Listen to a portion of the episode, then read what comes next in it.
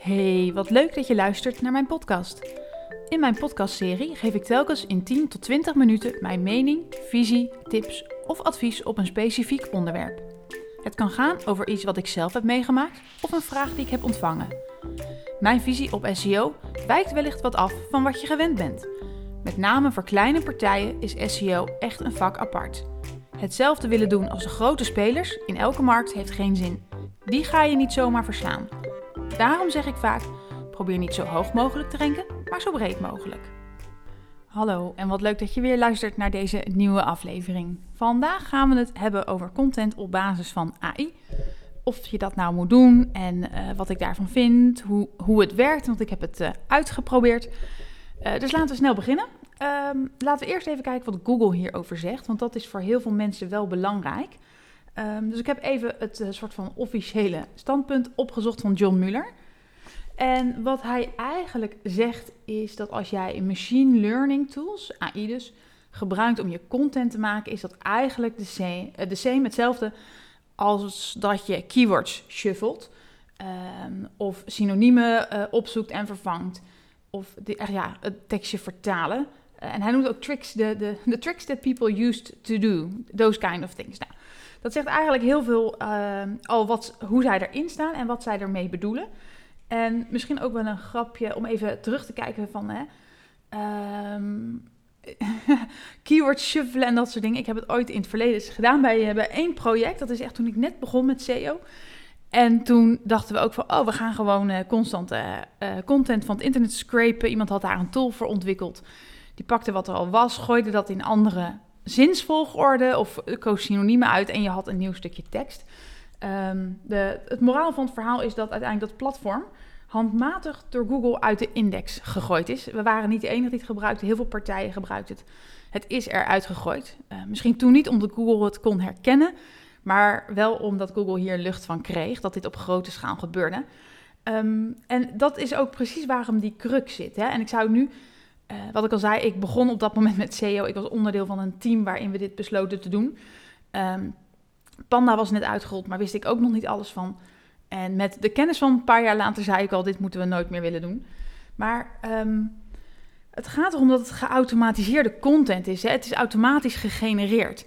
En um, dat is wat, wat Google niet wil hebben dat je doet. En dat klopt ook, want Google, dat weten we al tijd, houdt daar helemaal niet van. Google zegt al sinds jaar en dag: maak een goede website, voeg waarde toe, maak content voor je gebruiker. Ze hebben de behulpzame uh, content update natuurlijk in uh, uh, september gelanceerd. Um, volgens mij was het zelfs augustus. Ik moet even, even kijken, want we zitten ook alweer in oktober, dus het was volgens mij augustus. Maar dat is precies wat zij niet willen dat je doet. Maak geen slechte content voor je gebruiker, maar besteed aandacht aan wat iemand wil weten, leren en maak iets waar die mee geholpen is. En um, nou ja, dat staat eigenlijk haaks op content door, uh, door AI, want dat komt daar eigenlijk vaak niet uit. En waarom komt dat er uh, uh, niet uit? Dan gaan we even gaan, gaan we het daarover hebben, wat, wat je moet weten over AI. Um, en AI kan eigenlijk geen nieuwe informatie maken. Hè? AI gaat kijken wat er al bekend is op het werk en kan daarmee nieuwe zinnen maken, nieuwe zinsopbouw. Maar AI kan zelf geen visie ontwikkelen op uh, bijvoorbeeld SEO of op bijvoorbeeld witte wijnen. Wat ik al zei, ik heb het ook getest. Ik heb um, verschillende stukjes content laten maken door één tool die ik ook gratis kon gebruiken. Um, en ja, dat was aan de ene kant verrassend en aan de andere kant ontnuchterend. Maar um, ja, als jij iets wil schrijven over uh, de behandeling van ziektes en innovatieve manieren, dat gaat AI niet voor je doen. Die heeft geen idee wat daar gebeurt. Dus die kan die informatie niet verwerken. AI kan alleen maar verwerken wat op het website, op de web, het web al staat. Um, en kan dat hergebruiken. Dus dat is eigenlijk wat AI doet en maakt daar dus nieuwe zinnen van. En dat is dus heel goed om in je achterhoofd te houden. Je gaat er eigenlijk dus niks nieuws mee maken. Je gaat er niks goeds mee maken, niets onderscheidends, niets wat jouw visie bevat. En uh, hij kan wel met de juiste input zinnen maken die ook in het Nederlands toch wel redelijk goed leesbaar zijn. Um, ik heb het een, een, een, recept laten schrijven, dat deed hij eigenlijk prima. Met wel dus de, kanttekening dat het rare zinnen waren. kom ik zo nog op terug. Een how-to kan die zo maken. Hè? Het hele internet is uh, volgekliederd met how-to's. Dus dat is heel simpel te verwerken tot nieuwe teksten. Um, een bestaande informatie opnieuw schrijven. Dus als jij een stuk hebt, kan hij daar eigenlijk weer wat nieuws van maken. Met ook weer die kanttekening dat de zinnen niet helemaal, uh, helemaal goed zijn. Nou, en als je weet wat AI wel en niet kan, dan is het dus goed om te kijken van ja, waarom past dat dus niet bij Google? En wat ik al zei, Google wil dat je je focust op de gebruiker. En Google wil dat jij unieke, onderscheidende content maakt. Ze schijnen zelf op een congres uh, niet al te lang geleden gezegd te hebben dat 60% van het web duplicate is. En um, ik geef vaak het voorbeeld van de 1,4 miljoen recepten appeltaart. Dat is natuurlijk in grote lijnen allemaal duplicate. Het is allemaal appels met rozijnen, met kaneel, met suiker. Je maakt een deegbal, je flikkert het erin, je stopt het in de oven en je hebt het. Nou, als dat 1,4 miljoen keer op het web staat, is dat duplicate, hoe uniek de zinnen ook zijn. Dus um, als jij er zo naar kijkt, ga je met AI niks nieuws maken. En de vraag is dus ook, wat ik toen ook al zei, moet jij het 1 miljoen, 400.000 en eenste artikel schrijven? Of moet jij gaan zeggen, hey, ik ga de 10 appeltaartrecepten die hoog staan in Google met elkaar vergelijken? En kijken welke dan de lekkerste is. Dan heb je toch iets met appeltaart gedaan, maar iets nieuws gedaan met appeltaart. Dus um, ik denk dat je op die manier naar je contentstrategie moet gaan kijken. Maar goed, we gaan terug naar, uh, naar AI. Ik zei het al, ik heb een test gedaan. En ik heb um, een tool verschillende content laten schrijven, zowel in het Nederlands als in het Engels, omdat ik het al het vermoeden had dat hij in het Engels beter zou kunnen.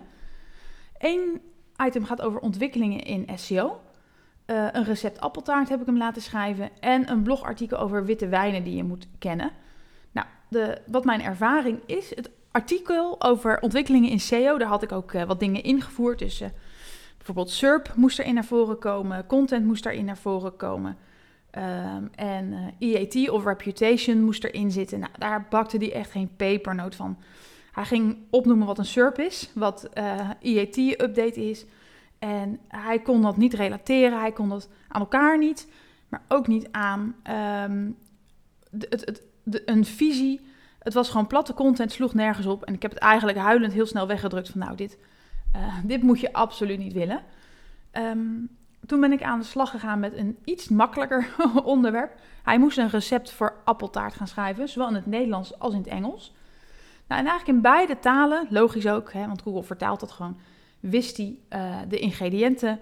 Hij wist hoe het gebakken moest worden en hoe je het dus ook moest maken. En in het Engels had ik eigenlijk een foutloze tekst, voor zover ik het kan beoordelen. In het Nederlands daarentegen zag ik rare dingen. Um, een, een, vooral in de zin en, en het woordgebruik. In plaats van een bakplaat noemde hij het een taartplaat. En dat is raar. Dat is, dat, ja, ik weet niet of misschien in bepaalde dialecten in Nederland mensen het een taartplaat noemen. Ik ken het niet. En hij had ook wat rare zinnen. Ik heb er even twee, uh, twee uitgehaald.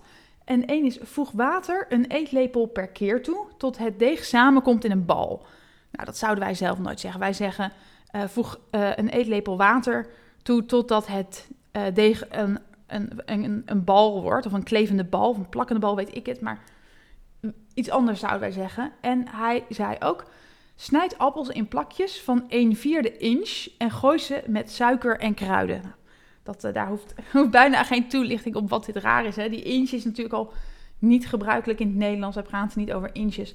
En gooi ze met suiker en kruiden. Nou, um, kun jij dan AI gebruiken om een recept te maken? Ja, zeker weten. Als jij daar even naar kijkt en het um, fine-tuned en de rare zinnen even uh, aanpast. Tegelijkertijd vind ik dan wel, kijk, uh, je gaat dan serieus content schrijven die er al is. Hè? Dus je gaat het web nog meer volstoppen met duplicates. Dus moet je dat doen? Nee, ik denk dat je weg moet blijven van dit soort content. En in het algemeen weg moet blijven van content die iedereen al geschreven heeft. En op zoek moet naar een unieke invalshoek. Ook om te zorgen dat Google jouw website blijft indexeren. Um, ik, ik heb steeds meer het vermoeden dat tussen uh, duplicate content, dus niet zozeer duplicate op de zin, maar duplicate op de intentie en de, en de boodschap, en in grote lijnen de inhoud, dat Google daar steeds strenger naar wordt. En dat zeggen ze ook, ze moeten kijken wat ze wel en niet indexeren. Hun indexatieopslag is gelimiteerd. Ze kunnen niet alles blijven opslaan. Het web is oneindig, want jij en ik en alle andere CEO's op deze planeet vervuilen die index met van alles en nog wat. En het lijkt wel van ja, opslaan kost niks, maar voor opslaan heb je datacenters nodig. Dat kost energie. Uh, daar heb je grond voor nodig. Um, je hebt hardware nodig. Uh, dus daar heb je ook weer grondstoffen voor nodig. Dus opslaan is niet gratis. Het volstoppen van die index is niet gratis. Dus ik kan prima snappen als Google zegt 60% is duplicate. Uh, dat kan ik ook vullen met unieke content.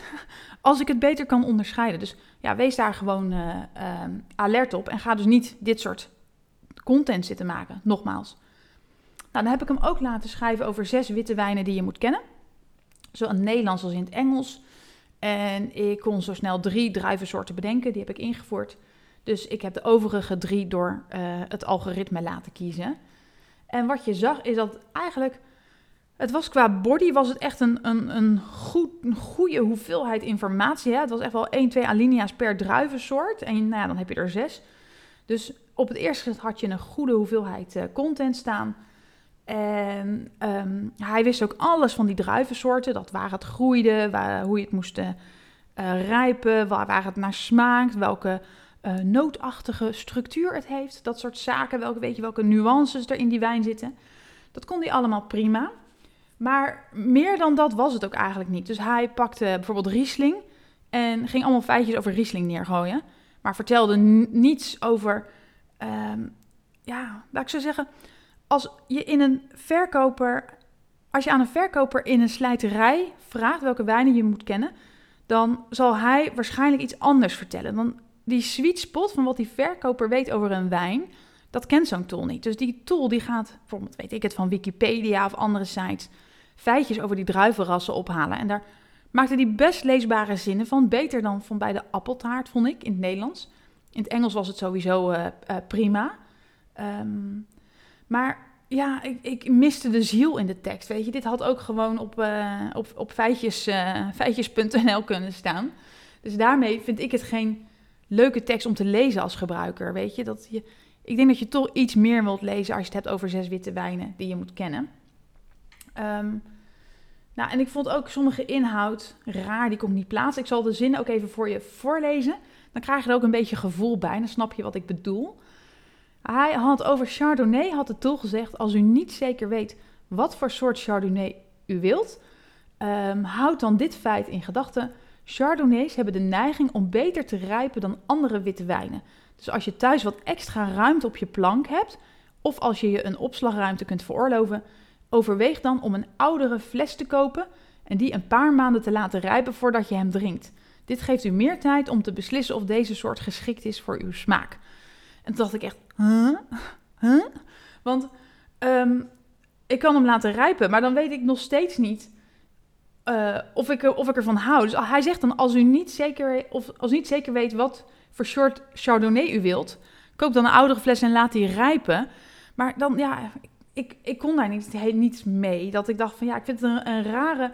Waarom zou ik een fles wijn kopen om te laten rijpen? Dat doen eigenlijk wijnkenners of meer. Ja, ik zou gezegd hebben van joh, uh, als je niet weet welke soort Chardonnay je wilt, begin dan eens met deze, want dat is de meest laagdrempelige of de toegankelijke. Of dat weet de verkoper, die wordt vaak gekocht door um, mensen die van dit soort witte wijn houden of die dat soort dingen lekker vinden of van dit soort ondertonen. Ik had heel iets anders gezegd dan, dan dit. Uh, uh, stukje. Maar goed, dan heb je een beetje een idee wat, uh, wat zo'n tool oplevert. Nou, dan kom je natuurlijk bij de vraag. Stel je gaat het toch doen, want je zegt van ja, ik heb er geen tijd voor, voor dat schrijven en die tools zijn er. Lekker makkelijk, ik zet het in. Kan Google AI content herkennen? Um, geen idee. Nogmaals, ik zit niet in dit algoritme, dus ik kan het niet anders dan benaderen uh, hoe, ja, of ze dat zouden kunnen. Ik denk dat ze in het Engels op grammatica en spelling bijna niet kunnen onderscheiden. Die teksten die eruit kwamen waren in het Engels zo goed. Um, dat, dat gaat bijna niet lukken. In het Nederlands um, zou je kunnen zeggen, het taalgebruik was slechter, dus dat kan Google sneller herkennen. Tegelijkertijd, Google maakt de content in de mensenvragen ook, de vragen, hè, die stelt Google zelf op bij de content die zij gevonden hebben. Dus dat stukje zo'n zo zinnetje, zo'n vraag is ook opgebouwd met behulp van, uh, uh, denk ik, AI dat ze daarvoor gebruiken. En daar zitten ook hele, hele rare zinnen af en toe in, of een heel raar woordgebruik. Dus um, ik, ik, het lijkt mij in ieder geval met alle kennis die Google heeft over content, die handmatig geschreven is, en de content die zij zelf kunnen maken, dat zij ook best een algoritme kunnen maken wat de verschillen zoekt op dit moment. Uh, en wat zichzelf traint weer om dat te herkennen. Kijk, toen ik een paar jaar geleden mijn scriptie moest inleveren, weet je ook van er komt een plagiaatchecker en die gaat daar overheen en die gaat kijken of jij het zelf geschreven hebt. Dus um, als je software hebt om plagiaat te herkennen, of te, kan, te herkennen van, joh, dat is er ook, software, van wat is van welke schrijver, heb jij dit wel zelf geschreven? Ja, waarom zou je dan niet ehm, AI-content en menselijke content kunnen onderscheiden? Dus dat, dat terzijde. Maar het belangrijkste vind ik, hoe zou je het kunnen herkennen? En dan is de vraag, um, maakt het uit of Google het kan herkennen? Als Google toch al bezig is op een soort van kruistocht tegen uh, niet unieke en content die niks toevoegt. Hè? Als zij zeggen van joh, recepten, we indexeren er maar een, uh, een aantal, want daarna is het toch allemaal same same. Ja, dan maakt het eigenlijk niet uit of Google het kan herkennen. Dan gaat hij waarschijnlijk naar andere criteria kijken om te bepalen of je er, erbij hoort. Dus um, ik denk dat als je geen nieuwe informatie toevoegt en onderwerpen hebt die al overal uitgekoud zijn, dat meer dat een soort van criterium is. Maar goed, um, ik weet het niet. Nogmaals, ik, ik zit, heb geen lijntje met Palo Alto, dus ik kan niet anders dan dingen benaderen. En wat ik ook vind is, um, kijk, AI komt niet met de echte inhoud en de relevantie. Dus als jij een blogartikel gaat maken met 10 opvoedtips voor moeilijke kinderen, ik noem maar wat, um, en daar staat eigenlijk niks in, ja, ik denk dat, je, dat Google dan al heel snel weet van, hé, hey, dit kan wel eens eh, AI-gegenereerde content zijn. Dus ja, content waar, dus, waar geen specialist bij betrokken is geweest. Maar goed, dat kan natuurlijk ook door een content marketeer geweest zijn die van alles aan, aan onderwerpen schrijft. Dus um, het is misschien niet sluitend. En de vraag is: maakt dat uit of het sluitend is of niet? Of gaat het erom dat Google denkt van joh, deze content voegt niks toe, ongeacht of het door AI geschreven is. Alleen de kans dat content die niks toevoegt door AI geschreven is, is dan net weer groter. Nou wat is mijn standpunt? Misschien uh, heb je me al een beetje door. En ik denk dat je hier gewoon eigenlijk um, niet mee aan de slag moet. En dat zit er in. Ik ben overtuigd dat we die gebruiker centraal moeten stellen. Dat we moeten denken aan die klant voordat we denken aan van onszelf. En ik zie overal nog steeds content voorbij komen die gemaakt wordt, omdat bedrijven vinden dat het er moet zijn. Maar daar zit, de ziel zit daar niet in. En eigenlijk vanaf dat punt ben ik al een soort van kruistocht aan het voeren van ga nou goede content maken. Ga je specialist aantrekken. Ga de, degene die de vakinhoudelijke kennis heeft erbij betrekken. Content marketeers kunnen vaak niet de diepte bereiken van de, van de, de content, omdat zij de kennis niet hebben. Zij zijn een content marketeer, maar zij zijn geen vakinhoudelijke specialist. Dus als we het gaan hebben over opvoedtips of dierenverzorging, daarvoor moet je de specialist hebben. Je moet de dierenarts of de dierenartsassistent hebben. Je moet de pedagoog hebben die, die de kennis heeft en die jou daarvan gaat voorzien. Dus ik vind eigenlijk dat de manier waarop we het nu doen al niet goed genoeg is. Ik ga het maar gewoon zeggen. Dus AI vind ik al helemaal niet goed genoeg. Want daarmee ga je nog een niveau lager. Ga je echt bestaande kennis in nieuwe zinnen gooien. En dan denk ik, dat doe je alleen maar voor SEO, omdat jij verkeer wil binnenharken. Maar niet omdat jij het beste voor hebt met je gebruiker. Want dan zou je dit soort crappy content niet zien. Jij zou dit ook niet zelf willen lezen als jij op zoek bent naar informatie. Dus doe dat ook je gebruiker niet aan. En dan denk ik eigenlijk, weet je, een, uh, als jij de persoon bent met de kennis, hè, je bent bijvoorbeeld de ondernemer, daar zie je het vaak, die uh, weet van alles over het product of dienst of de markt. En jij vindt het zelf lastig om te schrijven, zou ik ook nu zeggen, laat AI niet jouw content schrijven, omdat de zinnen en het woordgebruik echt raar is. Ik denk dat je een heel eind komt, maar je zal het nog steeds moeten fine-tunen. En dan denk ik, joh, investeer iets meer in een copywriter. Laat je één of twee keer in de week interviewen. En zorg dat die copywriter de juiste kennis en informatie heeft en daar een goed artikel bij maakt. Dan heb je gewoon echt wel iets dat heel veel mooier is. En wat misschien op maandbasis niet eens zo heel veel duurder is dan het abonnement op de AI-tool.